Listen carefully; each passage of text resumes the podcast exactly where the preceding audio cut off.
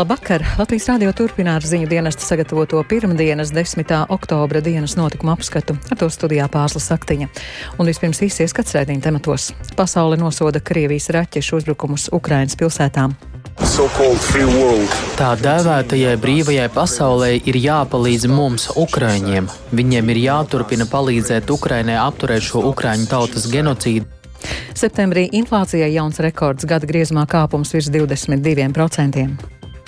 Tas apgrozījums, kas ir mazumtirdzniecībā kopumā, ņemot vērā inflāciju, ir ļoti strauji augošs. Bet, ja mēs noņemam inflāciju nost, nu, tad tur sanāk neliels plusiņš vēl. Pieauguma temps ļoti būtiski bremzējās. Levits lūdzis Kariņu turpināt padziļinātas sarunas par koalīcijas veidošanu, atkal tiksies pēc nedēļas.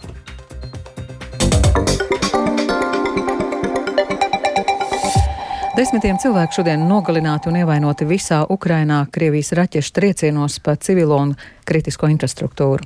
Ienaidnieku raķetes sasniedza ne tikai frontei tuvākās pilsētas, bet arī galvaspilsētu Kijivu un valsts rietumus. Startautiskā sabiedrība ir nosodījusi Krievijas rīcību. Plašāk par notikumiem Ukrainā stāsta Uldis Česberis. Sēdīt.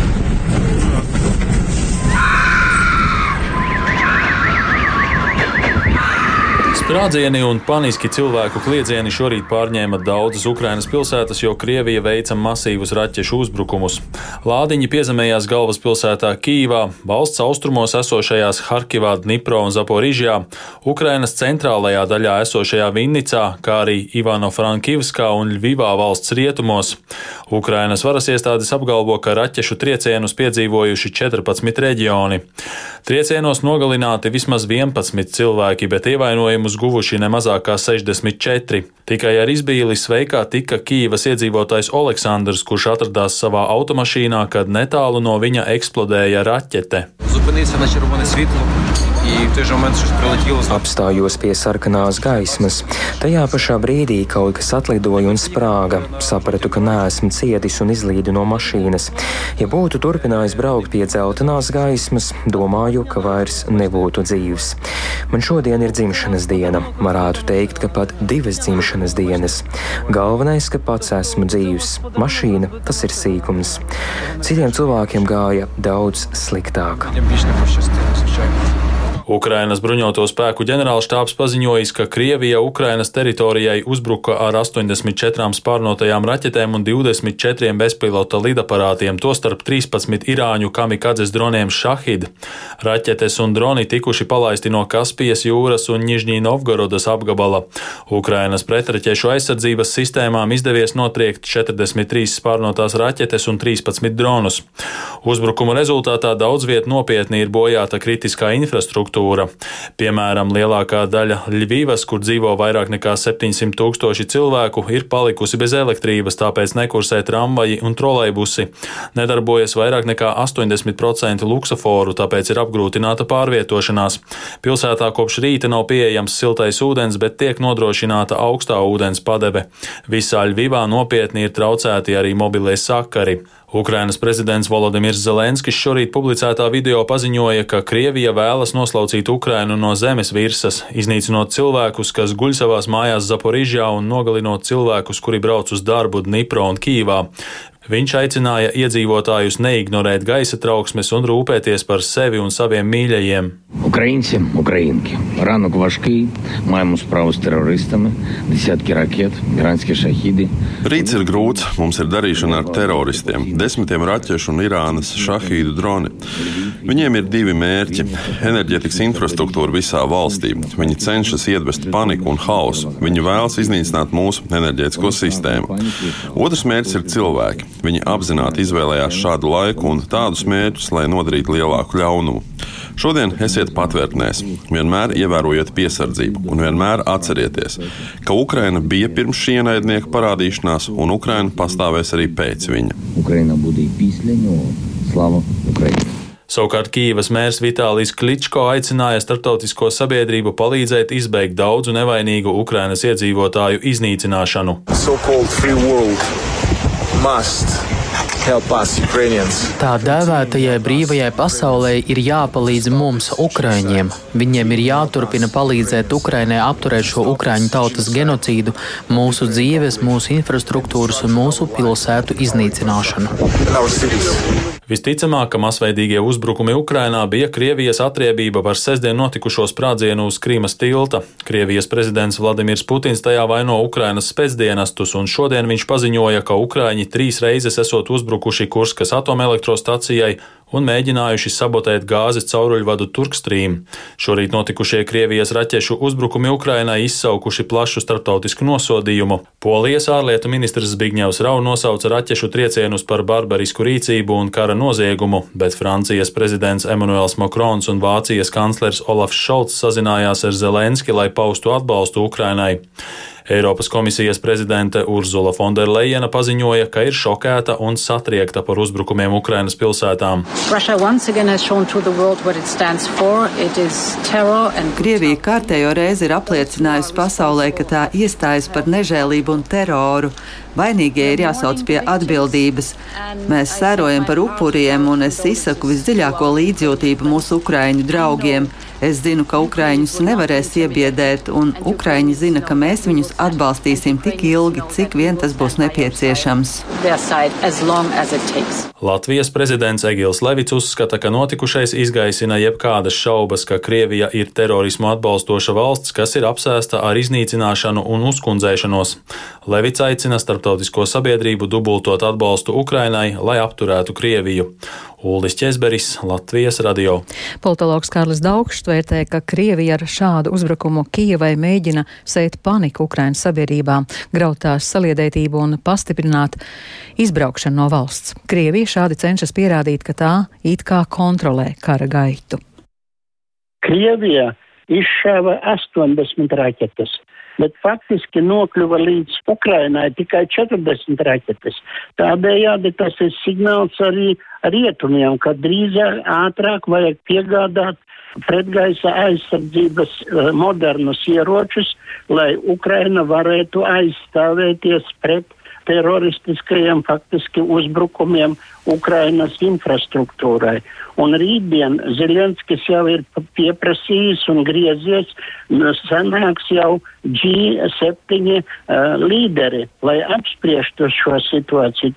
Lokālais trieciens pa Krimas tiltu ir izraisījis veselu Ukrainas situācijas sāsinājumu, kuram ir daudz dimensiju. Mm -hmm. Krievijas intensīvais uzbrukums pirmdienas rītā, vai tas varētu nozīmēt arī intensīvāku kara darbību?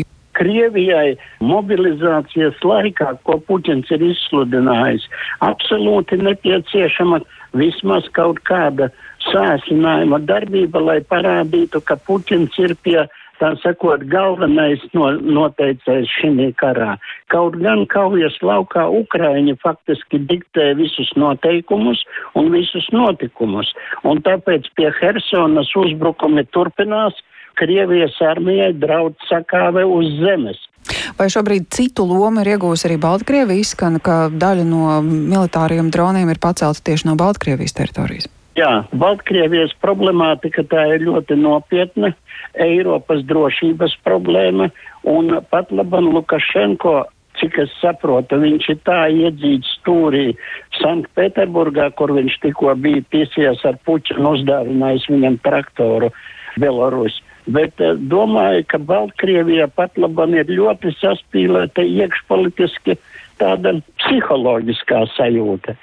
Baltkrievi negrib iet karā pret saviem uh, kaimiņiem, Ukraiņiem, taču Puķins ieved milzīgu spēkus, kuros Lukašenko ir apsolījis izvietot un ļaut viņiem darboties. Tā ir ļoti pretrunīga mēģinājums Lukašenko kā parasti lavierēt starp diviem pretrunīgiem uzstādījumiem. Ar politologu Kārli Daugštu runāja kolēģi Arta Skuja.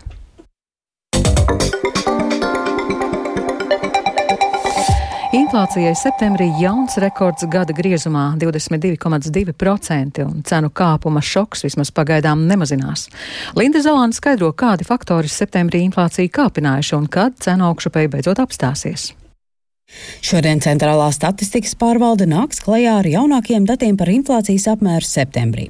Sebbankas ekonomists Dainis Gašpuitis pauž, ka arī septembrī nevaram cerēt uz inflācijas sabremzēšanos, un visticamāk mēs atkal redzēsim spēcīgu kāpumu mēnešu laikā un arī jaunus līmeņus gada izteiksmē. Tie varētu būt jau pāri 22%. Inflācija, kas ir arī tāds, nu, teiksim, apliecinoši tam, ka tas šoks turpinās, un ka tas augstākais inflācijas punkts vēl ir priekšā. Bet viņš visticamāk šobrīd varētu būt jau tuvu savam maksimumam, bet vai un kad tas būs, to mēs droši vien redzēsim tikai, nu, atskatoties atpakaļ, bet, nu, tā vismaz tās tendences, ko mēs redzam citos procesos, nu, varētu liecināt, ka, zinām, inerts vēl ir, bet vismaz tādai tālākam kāpumam, nu tā jauda šobrīd pagaidām tā kā varētu mozināties. Gašpuitis stāsta, ka vērtējot mazumtirdzniecības datus par augustu, redzama tendence, ka cilvēki turpina tērēt vairāk, bet inflācijas dēļ nopērk arvien mazāk. Tas apgrozījums, kas ir mazumtirdzniecībā kopumā, ņemot vērā inflāciju, ir ļoti strauji augošs. Bet, ja mēs noņemam inflāciju nost, nu, tad tur sanāk neliels plusiņš vēl. Tas nozīmē to, ka tas pieauguma temps ļoti būtiski bremzējās, jo cilvēki vienkārši vairs nevar nopirkt vairāk šīs inflācijas dēļ. Un šī tendence pastiprināsies, un visticamāk, kā visspēcīgāk to mēs izjutīsim tad, kad sāks pienākt apkursu rēķini, tad varētu būt jau izteiktāki mīnusi patēriņā. Bankas citadela ekonomists Mārtiņš Aboliņš uzsver, ka pēdējos sešos mēnešos cenu kāpums bijis īpaši strauši, tīpaši pārtikai un enerģijai, bet septembrī un oktobrī un arī ziemas mēnešos redzēsim siltumenerģijas cenas kāpumu ietekmi uz inflāciju. Pakalpojums, ticamāk, turpinās augt cenas vairāk izdarīt arī no tā, ka energoresursi palikuši dārgāki. Savukārt pārtiks cenām, es domāju, jau šobrīd jāsāk stabilizēties. Mēs paskatāmies pasaulē pārtiks cenas pēdējos sešos mēnešos vairs neaug drīzāk, tad pat nedaudz tā virzība uz leju. Parasti līdz mums tās pasaules cenas pārmaiņas atnāk kaut kur pusgadu laikā. Līdz 25% varbūt inflācija neuzkāps, bet kaut kur ļoti tuvu vēl oktobrī, novembrī varētu būt. Arī Luminor bankas ekonomists Pēteris Strautiņš prognozē, ka tuvākajos mēnešos vēl piedzīvosim pakāpenisku cenu līmeņu kāpumu, bet neredzēsim tālāk inflācijas kāpumu. Viņš uzsver, ka, lai arī globāli izēvielu cenas sāk sarukt, tas tik drīz neatspoguļosies Latvijas patēriņa cenās. Nekāda inflācijas bremzēšanās pagaidām vēl nav gaidāma. Teiksim, tā ir priekšnoteikuma, lai tas varētu notikt nākotnē. Izēvielu cenas pasaulē kopumā jau ir stipri zem augstākā līmeņa. Globālās pārtikas cenas jau ir kritušās 5-6 mēnešus, arī Eiropā pamazām nomierinās gāzes cenas, bet paiet laiks, tamēr tas atspoguļojās patēriņa cenās. Līdz ar to inflācija inflācijas nomierināšanās ir gaidām tikai pēc kaut kāda laika. Domājams, ka pavasarī, vasarā inflācija tad varētu jau strauji samazināties. Strautiņš akcentē, ka tuvākajā nākotnē inflāciju ietekmēs ne tikai tirgus spēki, bet arī politiskie lēmumi. Tiem ietekme būs labvēlīga, jo līdz ar valsts atbalstu iedzīvotājiem būs mazāk jāmaksā par patērētiem energoresursiem. Tas nodrošinās to, ka gada inflācija vairs nepieaugs. Linda Zalāne, Latvijas radio. Valsts prezidents Egils Levits lūdzis jaunās vienotības līderi pašreizējo ministru prezidentu Krišāni Kariņu turpināt padziļinātas sarunas par nākamās koalīcijas veidošanu. Pēc nedēļas paredzēta vēl viena tikšanās. Un studijā ir Kristaps Feldmanis nu, no preses konferences, lai pastāstītu sīkāk, Kristap, kā valsts prezidents vērtē līdzinājās sarunas. Jā, sveiku pārsla vakar Latvijas radio klausītāji. Eh, kā jau minēja, tad uh, valsts prezidents Egils Levits uh, apliecināja, ka viņš redz iespēju turpināt tātad sarunas eh, uzņemties eh, Krišānam Kariņam. Šobrīd svarīgākais esot vienoties par darbības principiem un eh, veicamajiem darbiem. Jā, arī pēc, pēc nedēļas Levits jau, varētu teikt, ir uzaicinājis Kariņu, lai tā, tiktos atkal un runātu par to, kas pa nedēļu būs izdarīts. Viņš arī uzsvēra, ka nu, būtu jau jāsāk arī jau detalizētāk runāt un skaidrāk saprast, nu, kas, kas un kā varētu veidoties šajā nākamajā valdībā. Un, lūdzu, paklausīsimies valsts prezidenta sacīto. Mēs redzējām, ka ir zināmas iespējas teiksim, vienoties par nākamo koalīciju. Tādēļ es lūdzu Krišānam Kariņam turpināt padziļinātas sarunas. Šīm sarunām ir jānovērt pie tādas koalīcijas un tādas valdības, kas varētu strādāt visus četrus gadus, lai mūsu valsts varētu kontinuitīvi attīstīties, ir jābūt šai valdībai un koalīcijai vērstai uz tiesiskuma stiprināšanu, uz ekonomisko attīstību, uz labu pārvaldību. Par visām jomām ir jābūt pietiekoši skaidrai iespējai vienoties par šāda veida koalīciju. Nu, tā valsts prezidents, bet ko par līdz šīm sarunās ar partijām sasniegto saka Kariņš? Jā, Kariņš pēc tikšanās uzrunā mediju pārstāvjiem visnotaļ sīki izanalizēja savus tos novērojumus sarunās ar visiem trim šiem partneriem, ar kuriem viņš ir runājis, tātad apvienoto sarakstu, Nacionālo apvienību un progresīvajiem. Runājot par apvienoto sarakstu, Kariņš izcēla kā pozitīvo to, ka daudzi jautājumi tādi valstis politiska līmeņa viņiem sakrīt. Um, problēmas esot ar to, ka atvienotais saraksts uz sarunām jau uz sākuma sarunām nākot ar tādām ļoti detalizētām lietām, jautājumiem, ko, nu, ar ko ierasti Kariņa pieredzē, nu, nesākot uh, sarunu pašā sākuma posmā. Par Nacionālo apvienību arī um, sakrītot uh, valstiski svarīgi jautājumi, bet um, ir dažādas um, tādas rīvēšanās. Nu, piemēram, jautājumā par civilās savienības likumu, kur eh, Nacionāla apvienība ir pret un eh, jaunā vienotība tomēr par, un tas pats arī par Stambulas konvencijas ratifikācijas jautājumu. Savukārt par progresīvajiem Tur eh, sakrītot cilvēktiesību, sociālajie jautājumi, liela daļa, bet atšķiroties uzskati par, piemēram, valsts parāda veidošanos, uz to vienotību skatoties tā nedaudz stingrāk, bet uh, piedāvāšu noklausīties arī Krišaņa Kariņa sacīto pēc tikšanās ar valsts prezidentu. Mēs plānojam šonadēļ turpināt ar visiem trim partneriem individuāli runājot.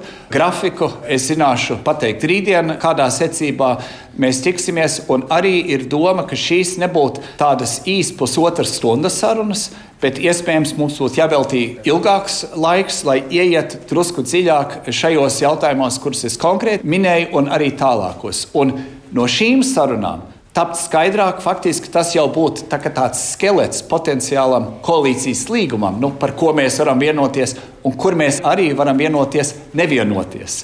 Un tad iet soli pa solim uz priekšu, šādā veidā ne tikai labāk iepazīstinot viens otru, bet arī strādājot jau kā potenciālie koalīcijas partneri jau pie kopīgas programmas.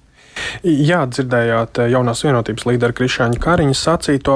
Protams, parādījās arī jautājums eh, par šādu fundamentālo nesaskaņu saistībā ar eh, partijas progresīvo iespējamo dalību valdībā. Nu, jau esam minējuši, ka Nacionāla apvienība un apvienotais saraksts ir pret, bet jaunā vienotība tomēr ir jau minējusi, ka plašāka valdība būtu tāda labāka. Nu, gan Levits, gan Kariņš šo jautājumu pārlieku neizcēla, bet atbildot uz žurnālistu jautājumiem, norādīja, ka šobrīd galvenais tomēr ir vienoties par uh, kopējo kopu ietvaru, nu, un tad tālāk jau skatīties uz to, kurš varētu to aizpildīt.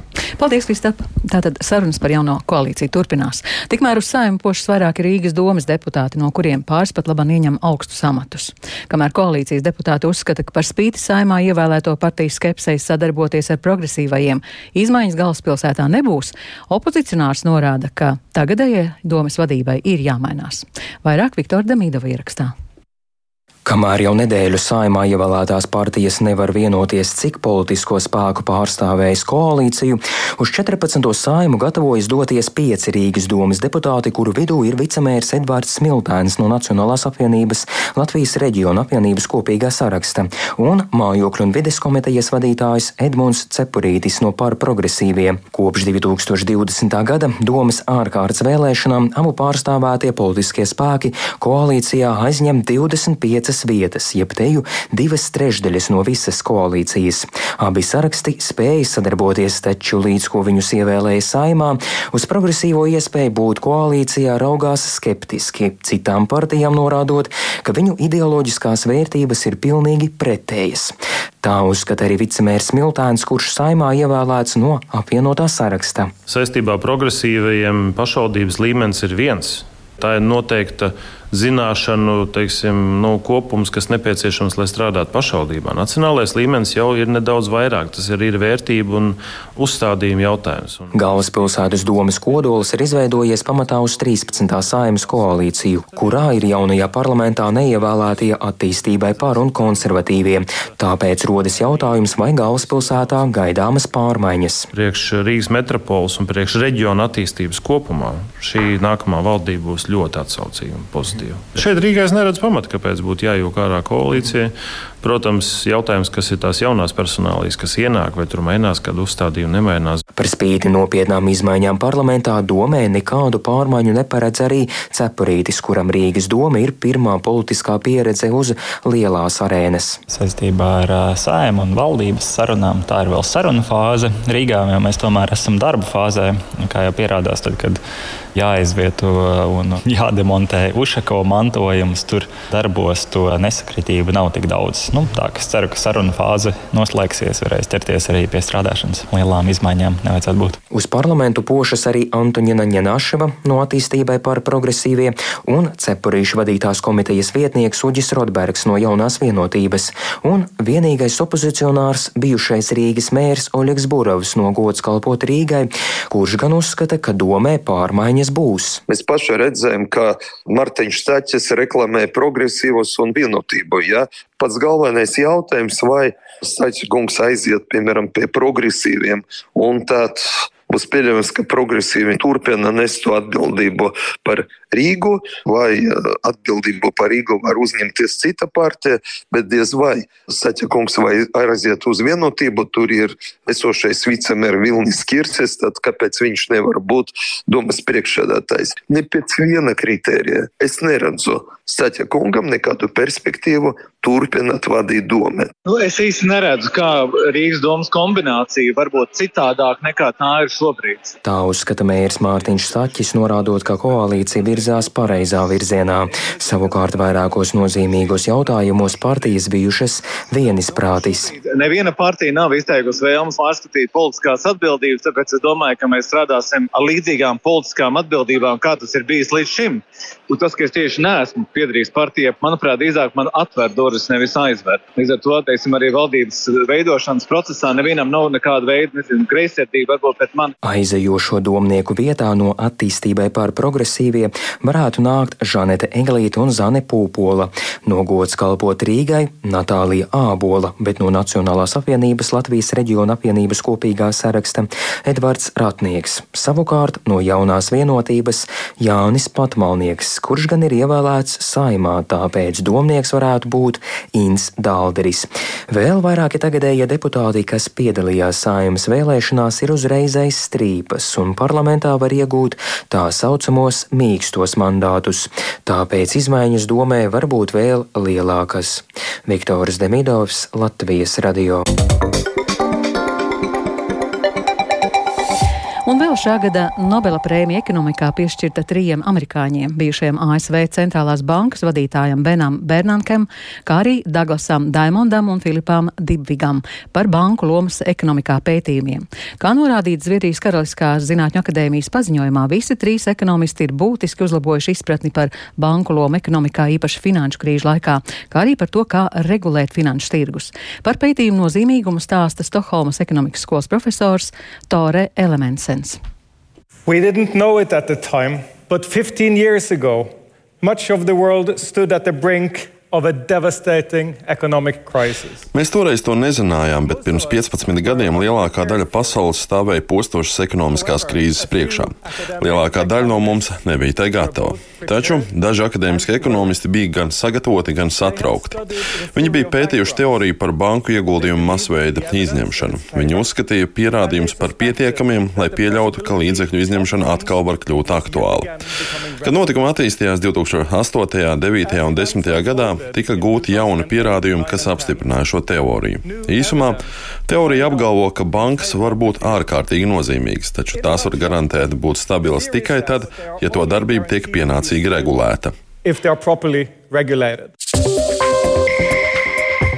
Un ar to izskan dienas notikuma apskats. Producents Viktors Pupiks, ierakstus montēja Renāša Steimanis, par labskaņu rūpējās Mārtiņš Paiglis, ar jums runāja pārslas saktiņa īsti par svarīgāko. Pasauli nosoda Krievijas raķešu uzbrukums Ukrainas pilsētām, septembrī inflācijai jauns rekords, Levits lūdzis Kariņu turpināt padziļināt sarunas par koalīcijas veidošanu, atkal tiksies pēc nedēļas.